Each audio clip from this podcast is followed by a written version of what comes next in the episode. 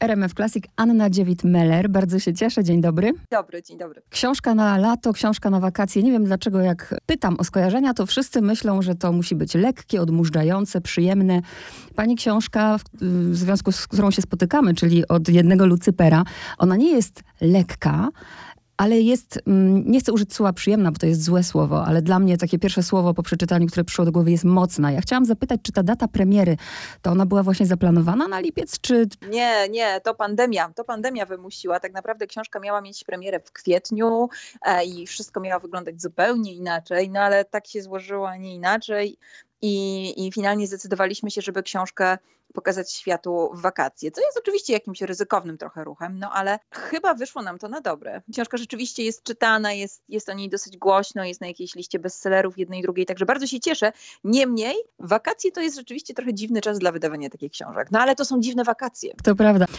Na mnie książka zrobiła wrażenie, szczególnie nie mogłam zasnąć po jednej scenie, ale mm, do tego dojdziemy. Najpierw e, ustaliłam sobie takie, taki, taki spacer, na który panią zapraszam mm, pod hasłem kobiety, kobiecość, Śląsk. Dla mnie Śląsk, taki Śląsk dzieciństwa, bo mieszkałam niedaleko mm, i Chorzów to wesołe miasteczko. A dla pani to wesołe miasteczko czy zakłady azotowe? Pewnie jedno i drugie. Wesołe miasteczko oczywiście pamiętam, e, jeździłam z rodzicami w weekendy na e, karuzelach. Pewnie, pewnie, doskonale doskonale i zoo, i Wesołe Miasteczko, tak. i kolejka Elka, i te wszystkie atrakcje w parku, w Chorzowskim Parku, koło którego właściwie mieszkałam bardzo niedaleko. No ale też zakłady azotowe, które widziałam z kolei z okien mojego, mojego domu rodzinnego. Więc to jest wszystko bardzo ze sobą przemieszane i um, takie czasami trudne do uh, oddzielenia. Te obrazy dzieciństwa jakoś tam w głowie rezonują. Ja już bardzo długo nie mieszkam w tamtym miejscu, bo wyprowadziłam się mając lat 19, czyli już ponad połowę życia mieszkam poza uh, tym pograniczem Siemianowic i Chorzowa. No ale te obrazy, e, które się pamięta z czasu dzieciństwa są strasznie, strasznie intensywne i żywe. Bardzo intensywne, chociaż ja się wychowałam, moi rodzice stamtąd nie pochodzą na Śląsku Opolskim i Śląsk bardzo lubię. Już od pierwszej kartki poczułam, że, że rozumiem, bo pierzyna, no dla mnie w ogóle ten symbol mojego mm. dzieciństwa i ta pierzyna e, i dokładnie w te kwiatki, ja to po prostu widziałam, czułam, więc e, bliska mi pod wieloma względami książka. Zastanawiam się, na ile wprowadzić czytelnika Mm, w akcję, więc może tak. O kobietach. Bohaterkami tej książki są kobiety. Akcja dzieje się dwutorowo. Mamy współczesność i mamy mm, lata 40. Kasia tyle, ile mogę, emigrantka współczesna, wyjeżdża do Holandii, pracuje na uniwersytecie, ale ona nie ucieka chyba od, znaczy nawet nie chyba, ona nie ucieka od Polski, bo to takie na mhm. czasie, tylko ucieka właściwie od siebie, od rodziny, od traum. Tak, ja obserwowałam wiele takich e, ucieczek, e, takich emigracji, bo jestem z tego pokolenia, które kończyło studia wtedy, kiedy otwierały się granice, kiedy mogliśmy zacząć właśnie nowe życie gdzie indziej.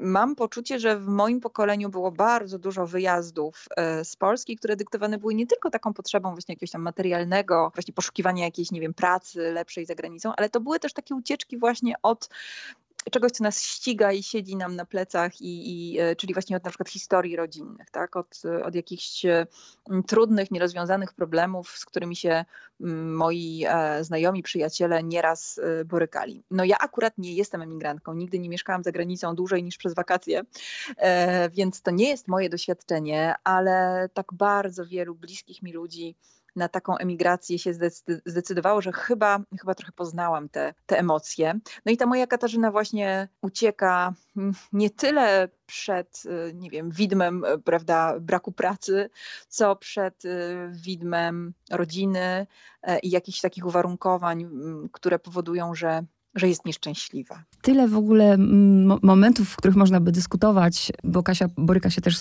z problemami. To jest problem anoreksji, chyba tyle mogę powiedzieć. E, I, mhm. I, o nim mogłybyśmy mówić, ale wątków jest mnóstwo. Ale chcę się skupić właśnie na tej kobiecości i roli kobiety. Mhm. Kasia, mm, wykształcona kobieta, wydaje się, współcześnie jedzie, pracuje na uniwersytecie, ale okazuje się, że tam na tym uniwersytecie traktowana jest właściwie jako pani do robienia kawy, czyli krótko mówiąc, rola kobiety w XXI wieku nadal jest jaka jest? Wydaje mi się, że nawet nie jakieś super pogłębione analizy sytuacji kobiet w Polsce w sierpniu roku 2020 prowadzą do prostych wniosków, że jest jeszcze dosyć dużo rzeczy do zrobienia i dużo rozmów do przeprowadzenia i dużo spraw do uświadomienia, nie tylko mężczyznom, ale również kobietom. To doświadczenie uniwersyteckie mojej bohaterki też w pewnym sensie bierze się z doświadczeń moich bliskich mi osób, kobiet, które właśnie osiągały sukcesy zawodowe, naukowe, a jednak zawsze były trochę z tyłu w tej kolejce do prestiżu, właśnie jakichś takich dowodów uznania. Mm. I no to, to niestety jest w miarę powszechne doświadczenie. E, nie są to jednostkowe, jednostkowe przypadki. Dziewczynki zawsze były wychowywane do grzeczności, takiego sieć w kącie znajdą cię i pokłosie tego jakby można widzieć na, na, na co dzień. To się chyba trochę zmienia, niemniej no nadal dziewczynom czasami trudniej jest zabrać głos. Czasami trudniej jest wypowiedzieć się w jakiejś e, ważnej dla siebie kwestii, bo różne takie strategie unieważniania ich głosu wciąż mają się doskonale niestety. Dwa wnioski od razu, że po pierwsze nie uciekniesz, nawet jeżeli ona uciekła do Holandii, nie ucieknie tak. od siebie. Wszędzie ją po prostu to dogoni. Tak. A dwa, jakoś jej się udało, można powiedzieć, bo wywodzi się jej, za chwilę do tego przejdziemy, z rodziny w Połowie Śląskiej i jakoś udało jej się w jakimś stopniu wyrwa wyrwać. Jej mamie to już się udało, można powiedzieć, to doskonale, ale ulubione moje zdanie w tej książce, w tej rodzinie nie było nieślubnych dzieci, nie było rozwodów, nie było prania brudów poza domem, nie było samobójstw, zdrad, nie było otwartej przemocy. Po prostu nie było rozmowy. Ja myślę, że to nie jest cecha tylko rodziny śląskiej, yy, ale w ogóle rodziny, prawda, że, że się nie rozmawia. No tak, no nikt nas tego nie uczy. My, my raczej yy, mamy takie mądrości ludowe, które mówią nie mów nikomu, co dzieje się w domu, tak? tak. to takie trzymanie tajemnic, nie pierzemy brudów poza domem. To są jakieś takie strategie, które są nam przekazywane w procesie yy, wychowywania, a ja uważam, że one są bardzo, bardzo szkodliwe i jakby brak możliwości otwartego mówienia o, o różnych problematycznych kwestiach, y, no, no, tylko te kwestie wyolbrzymia i powoduje, że są jeszcze bardziej skomplikowane te relacje rodzinne. Więc tak, to nie jest tylko problem śląskiej rodziny, to jest w ogóle problem polskiej rodziny że, i w ogóle po prostu ludzi, że my niespecjalnie umiemy otwarcie, że grać ze sobą w otwarte karty, mówić o, nie, nie jesteśmy uczeni do mówienia głośno o swoich emocjach, tak. do stawiania jakichś granic, zwłaszcza jak jesteśmy kobietą. No myślę, że to jest ogromny problem, który być może część ludzi zaczyna powoli dostrzegać, też przerabiać na różnych tam terapiach. E, faktycznie to się na pewno zmieniło, zmienia może tak, ale dużo jest jeszcze do nadrobienia, bardzo dużo. I zanim wrócę jeszcze do tej roli kobiety, to teraz pojawia się druga bohaterka, bo tak naprawdę mhm. E, Kasia odkrywa fotografię, widzi na tej fotografii kogoś z rodziny, nikt z rodziny nie chce jej powiedzieć, kto to jest i pojawia się nam tutaj druga narracja i Maryjka, Maria, Mary, zwana Maryjką, prosta dziewczyna i przenosimy się do lat 40. do planu trzyletniego i do tego, że pracuje ona właśnie w zakładach azotowych, o których mówiłyśmy w Chorzowie. I pojawia się też coś bardzo ciekawego, bo pomiędzy tym wszystkim mm, mamy, pomiędzy fabułą mamy fragmenty dokumentów z IPN-u. Ja muszę tak. zapytać, czy najpierw były te fragmenty, czy najpierw był pomysł na fabułę? Chyba to się działo jednocześnie, bo ja y, wchodząc w jakąś relację właśnie z historykami z katowickiego oddziału IPN-u, rozmawiałam z nimi o pomyśle na kolejną książkę. Myślałam, że to będzie się trochę różniło od tego, co, co finalnie mamy, ale dostawałam od nich y, no, bardzo ciekawe opracowania i też teksty źródłowe, e, takie jak te e, donosy, które zamieściłam w książce w całości, wybierając spośród bardzo, bardzo wielu, które od nich e, otrzymałam. Pomyślałam, że to jest w ogóle strasznie ważne i fajne, żeby pokazać czytelnikowi mm, taki prawdziwy kontekst, żeby pokazać, jak ci ludzie myśleli, jak mówili, jak pisali. No bo to są donosy, które ludzie piszą do różnych służb w związku właśnie z takim bumelanstwem, czy z posądzaniem o właśnie jakiś sabotaż w, w ramach realizacji tego planu trzyletniego i tak dalej, i tak. No dla mnie to było fascynujące i to też było bardzo inspirujące i pewne, pewne rzeczy z tych e, dokumentów są zapisane w książce w formie fabularnej, już teraz dokładnie nie pamiętam, które to są momenty, ale na pewno to była ogromna inspiracja, jakby wejść w sposób myślenia tych ludzi i spojrzeć, jak straszne to było. Jak naprawdę było to przerażające. Padają konkretne daty, to domyślam się, że Marika czy Maria jest postacią autentyczną? Poniekąd, poniekąd. Rzeczywiście zdarzyła się taka historia w e, Chorzowie w roku bodajże 49, że odbył się w tych zakładach azotowych proces taki no, sfingowany zupełnie na podstawie wymuszonych w bardzo brutalnym śledztwie zeznań ludzi. Taki proces trójki, bodajże trójki osób, które zostały posądzone właśnie o taki sabotaż przemysłowy, który był wówczas traktowany jako najgorsza absolutnie zbrodnia. Tu jeszcze były uwarunkowania takie narodowościowe. Musimy też pamiętać, że na Śląsku jakby ten żywioł śląski, czy też pozostałości żywiołu niemieckiego były no, z, jakby z założenia traktowane w sposób super, super podejrzliwy. Tam trzy osoby zostały skazane na karę śmierci, w tym kobieta. To była um, osoba dużo starsza od mojej bohaterki, jakby no, jej historia rodzinna nie jest mi znaną, e, no ale ja sobie wokół tego wydarzenia prawdziwego wydarzenia zbudowałam całą, całą resztę, dośpiewałam sobie resztę tej narracji na takie prawo, prawo pisarki, że, mm. może, że może fabułę mm, jakoś tam kształtować y, dookoła różnych prawdziwych wydarzeń.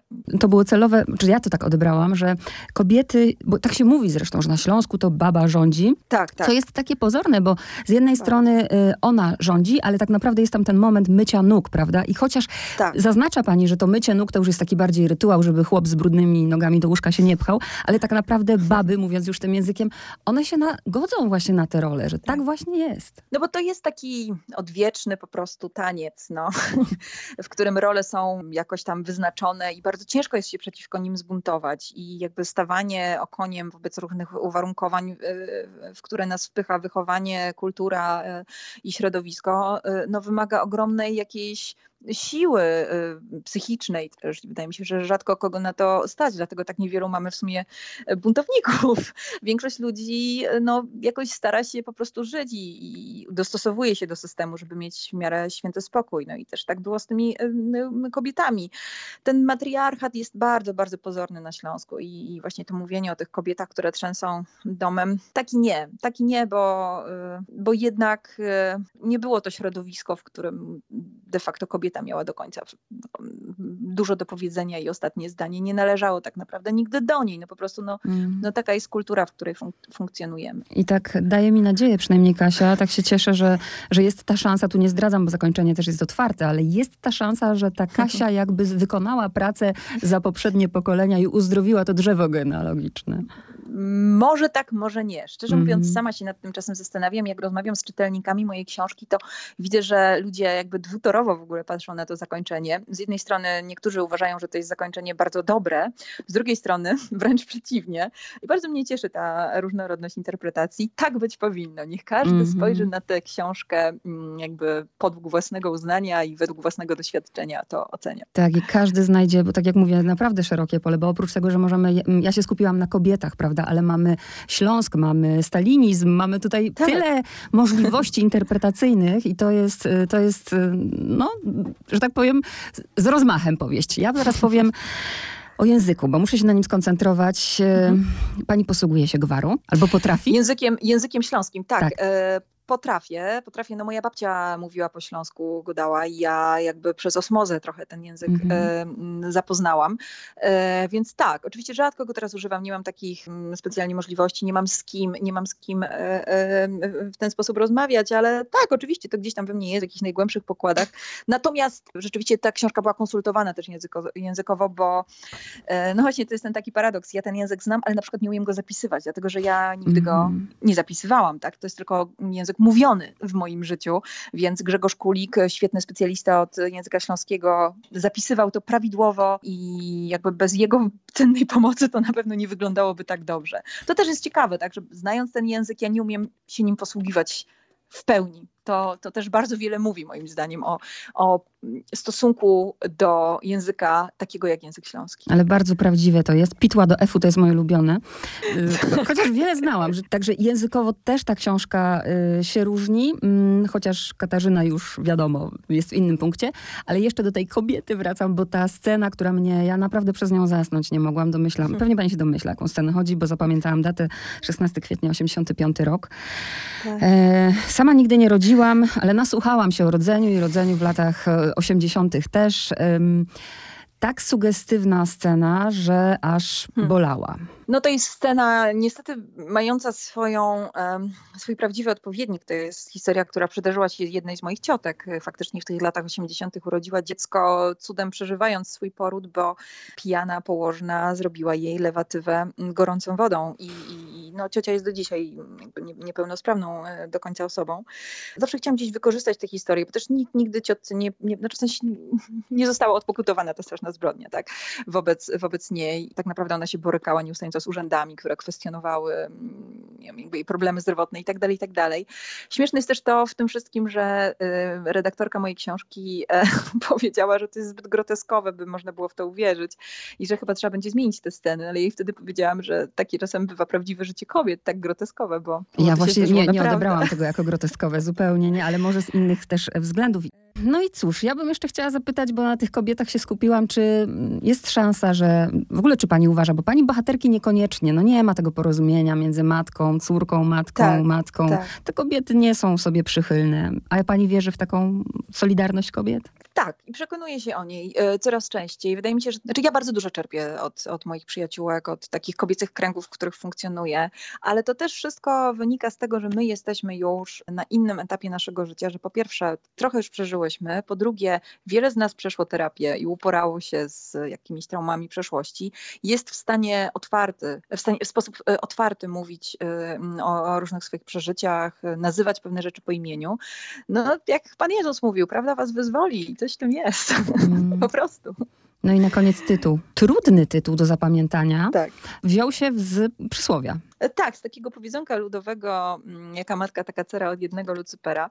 No, w tym tytule zawiera się w sumie cała treść tej książki. Mm, jakieś takie przekazanie a czegoś, co może być mm, dotkliwe i złe z pokolenia na pokolenie. I też takie czasami um, spojrzenie na kogoś przez pryzmat jego rodziny, bez przyznania temu komuś prawa do stania się kimś innym, tak? Jakby, że ciągniemy za sobą te ogony, a świat nas mm. też mhm. ocenia przez pryzmat tego, skąd my jesteśmy, z jakiego środowiska pochodzimy nie wiem, z jakiej klasy społecznej.